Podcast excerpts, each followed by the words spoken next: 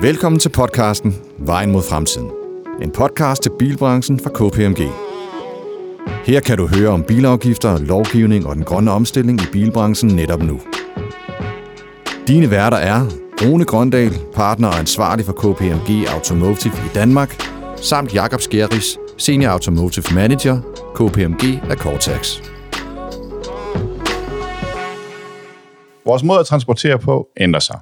Man taler i bilbranchen om fire vigtige trends, ofte forkortet til CASE. C står for konnektivitet, og det vil sige digitalisering af bilerne med ydelser og biler, der snakker sammen.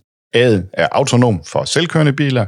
S'et det er shared for de her nye ejerformer, hvor man ikke selv ejer bilen. E'et det er electric for de her miljøvenlige og elektriske drivlinjer. Hos KPMG arbejder vi med alle de her nye trends, og vi har kigget en del på de elektriske biler i de seneste episoder. Så i dag der vil vi kigge nærmere på digitalisering og hvad det betyder for bilerne og mobiliteten.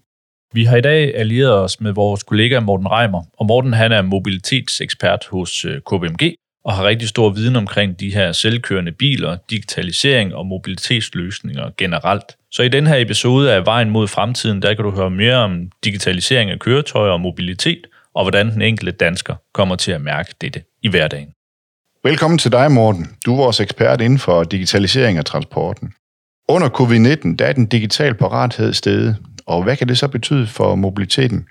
Jamen, mobilitetssektoren står for nogle store udfordringer. Vigende passagerer, øh, og i kølvandet på covid-udbruddet kan digitalisering fungere som den teknologibaserede og datarige frelser. Altså, vi forventer helt klart en acceleration i udviklingen af den digitale rejse og af flere digitale service de kommende år. Og der lige fra yderligere digitalisering af billetter og betaling, features, der kan fortælle os præcist om, hvor mange rejsende der er med de forskellige transportformer, og hvordan den enkelte bedst kombinerer rejsen på tværs af transportformer. Der, der kommer de her kømeddelelser i vores navigation, når vi, når, når vi sidder i bilen for eksempel.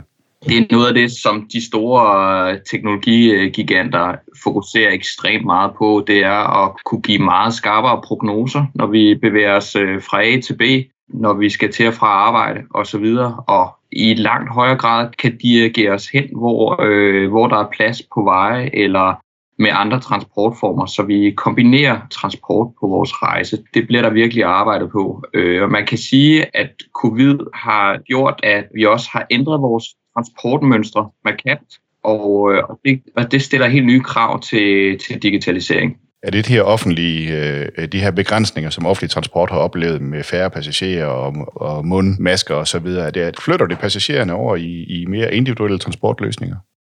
Det vil jeg sige, det er de tendenser, vi ser lige nu. Altså man kan sige, at offentlig transport har haft nogle fordele i forhold til, at det har haft mulighed for at flytte et stort antal mennesker hurtigt, effektivt og også prisbilligt. Det er ligesom en kerneydelse, som kollektiv trafik giver den enkelte. Men det er der kommet nogle uhensigtsmæssigheder i i dag.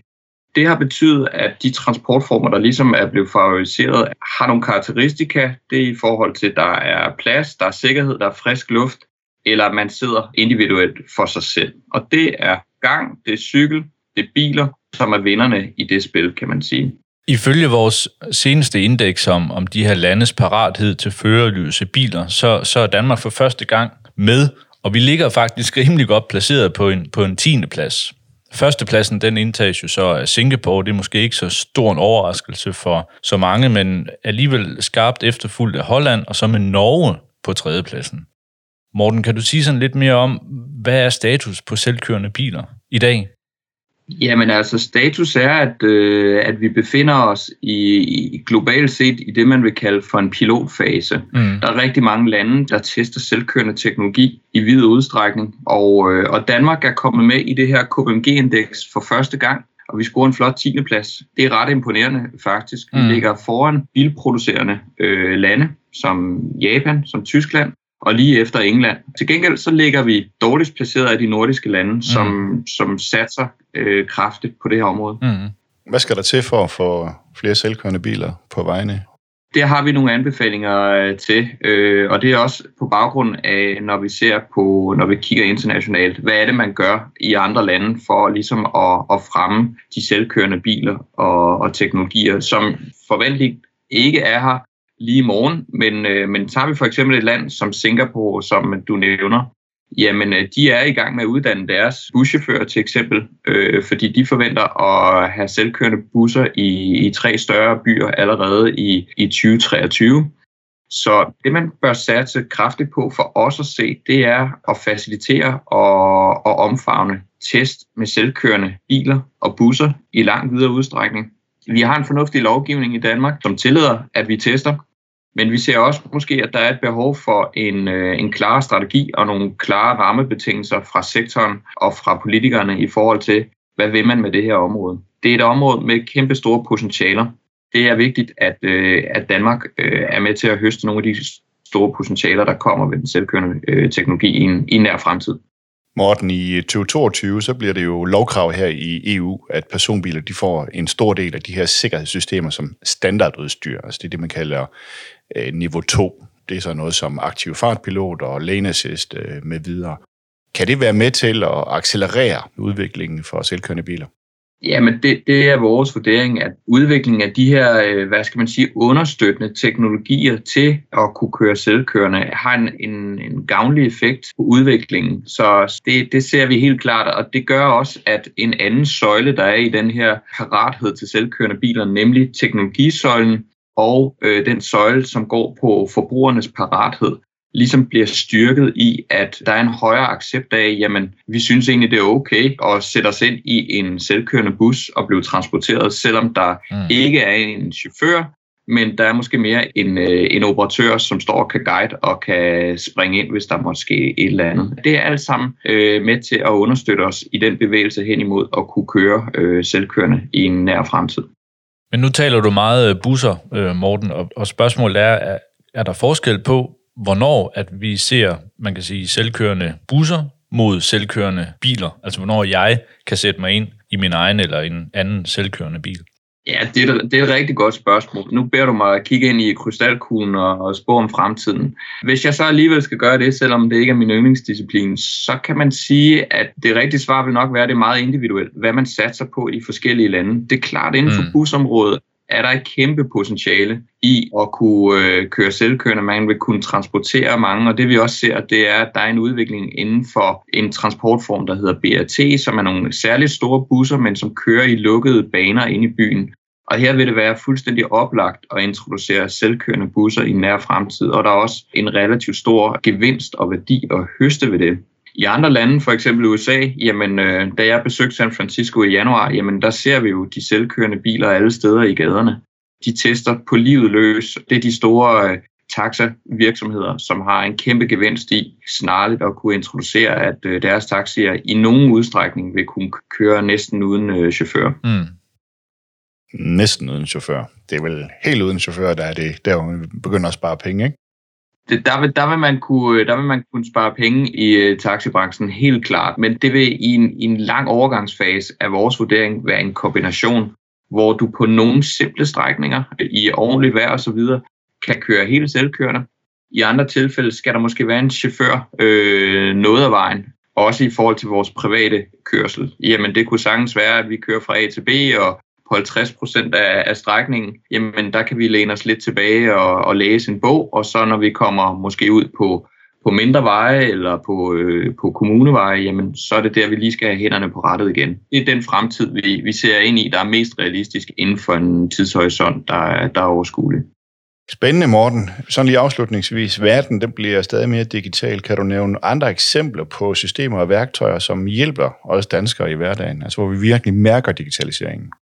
Jamen, det, det kan jeg godt. Altså, vi, vi ser, at der er en række teknologier, som vi forventer vil revolutionere sektoren og transportindustrien øh, inden for nærmere fremtid. Jeg kunne nævne kunstig intelligens, maskinlæring, der er noget, der hedder Pay-as-you-go, Virtual og Augmented Reality og Internet of uh, Things er, er noget, nogle teknologier, som vi har store forventninger til, og som vil kunne flytte rigtig meget øh, med til at sænke barriererne for at bruge alle mulige former for transport for eksempel den her Pay As You Go, den ser vi allerede i brug i Schweiz og, og øh, få andre steder i, i verden, at du starter bare din app, og du skal ikke tænke på øh, billetter, du skal ikke tænke på betaling. Du bevæger dig blot ind i en bus, i tog, i metroen eller på en lånecykel. Appen klarer øh, al betaling for dig, og samtidig kan du øh, planlægge din rejse det samme sted. Øh, men vi ser også en stor tendens inden for machine learning at kunne lave bedre prognoser på, hvordan ser morgentrafikken ud, hvordan er øh, den samlede kapacitet i transportsystemet, og også i en meget nær fremtid kunne forudse uheld eller øh, hændelser i trafikken ved simpelthen at kunne læse på de store mængder data, der findes inden for transport, øh, og på den måde gøre vores rejse nemmere, sikrere og, øh, og mere behagelig. Spændende. Tusind tak, morgen. Tak for det. Og så øh, skal I høre med lige om lidt, når vi øh, samler op og øh, runder af. Tak til dig, Morten. Selv tak.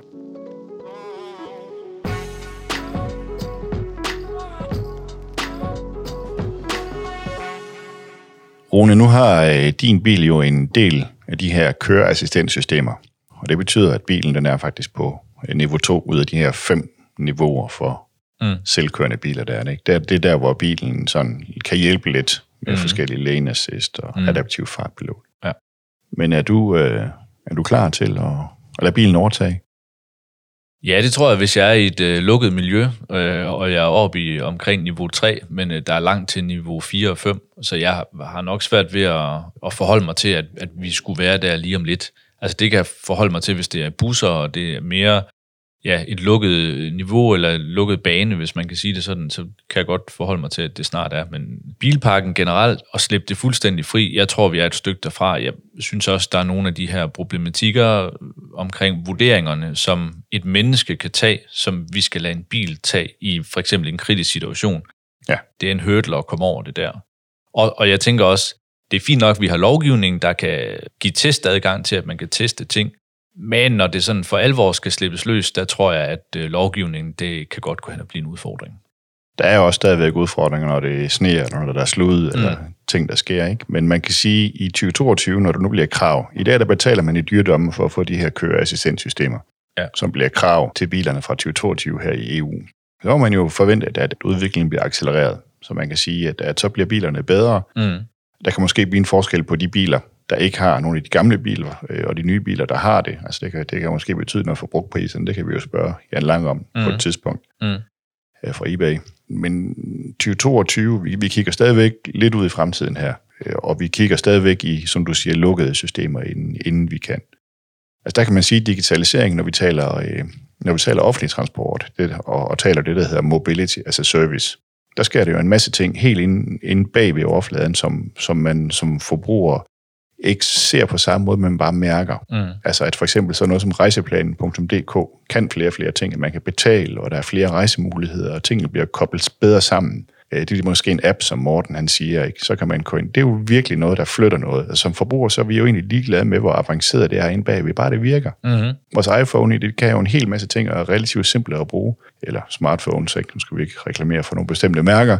Og det, og det er jo det, vi gerne vil have. Mm. Og, og der, sker jo, øh, der sker jo mange ting øh, inde bagved, især på, på den front der med, med mobiliteten. Ikke? Mm. Men det er en ting. Noget andet, det er den digitalisering generelt, og der taler vi også om data, og der tror også, vi har sagt før, at data is king, det er det også med de her biler. En bil, den indsamler ufattelig mange data, og det bliver kommercialiseret mere og mere. Vi ser jo også danske virksomheder, der går ind i det her og kommercialiserer det og prøver at gøre det til en forretning. Altså de data, som en bil indsamler, det indsamler vejtemperatur, det indsamler rigtig mange spændende ting. Så hvis man får det mobiliseret til en kæmpe masse, jamen så er det, at man kan begynde at distribuere det. Jamen, der er jo så to typer data. Der er det data, der vedrører bilen, og så det data, der vedrører personen og vores brug, altså nogle af de her connectivities. Det skal man lige sondre imellem, fordi de her øh, personlige data, man kan jo ikke bare dele frit. Nej, heldigvis har en bil jo ikke et personnummer, den har et VIN-nummer. Så. Ja, men, men stadigvæk det der med, om, om du nu kører ind, og du er glad for McDonald's, ikke? Altså, så, så ved vi jo allerede øh, noget om dig, hvis det nu var, var, var det, der var tilfældet. Ja. Eller hvorimod bilens data, det handler om bilen, og hvordan den er. Men der kan måske også være lidt. Så der er, altså data, det er jo generelt et emtåligt emne, hvor der kommer mere og mere, og, og der er mange, der gerne vil have adgang til det, ikke? Altså. Absolut, absolut. Og der ser vi jo også, altså, der foregår jo også øh, en, øh, en kamp om data. Ja, det må man sige. Så det er i hvert fald spændende. Ja, det, øh, vi følger med. Det gør vi. Vi når ikke mere, Jacob, i dag, Nej. men at vi også kom godt omkring, synes jeg. Ja, det, må, det, det synes jeg også, vi har. Jeg vil sige tak for i dag. Ja, det vil jeg også. Tak for i dag. Vi høres ved næste gang. Gør vi. Tak fordi du lyttede til podcasten Vejen mod fremtiden fra KPMG. Dine værter var Rune Grøndal og Jakob Skjerris. Podcasten udkommer hver anden torsdag. Læs mere om podcasten på kpmg.dk.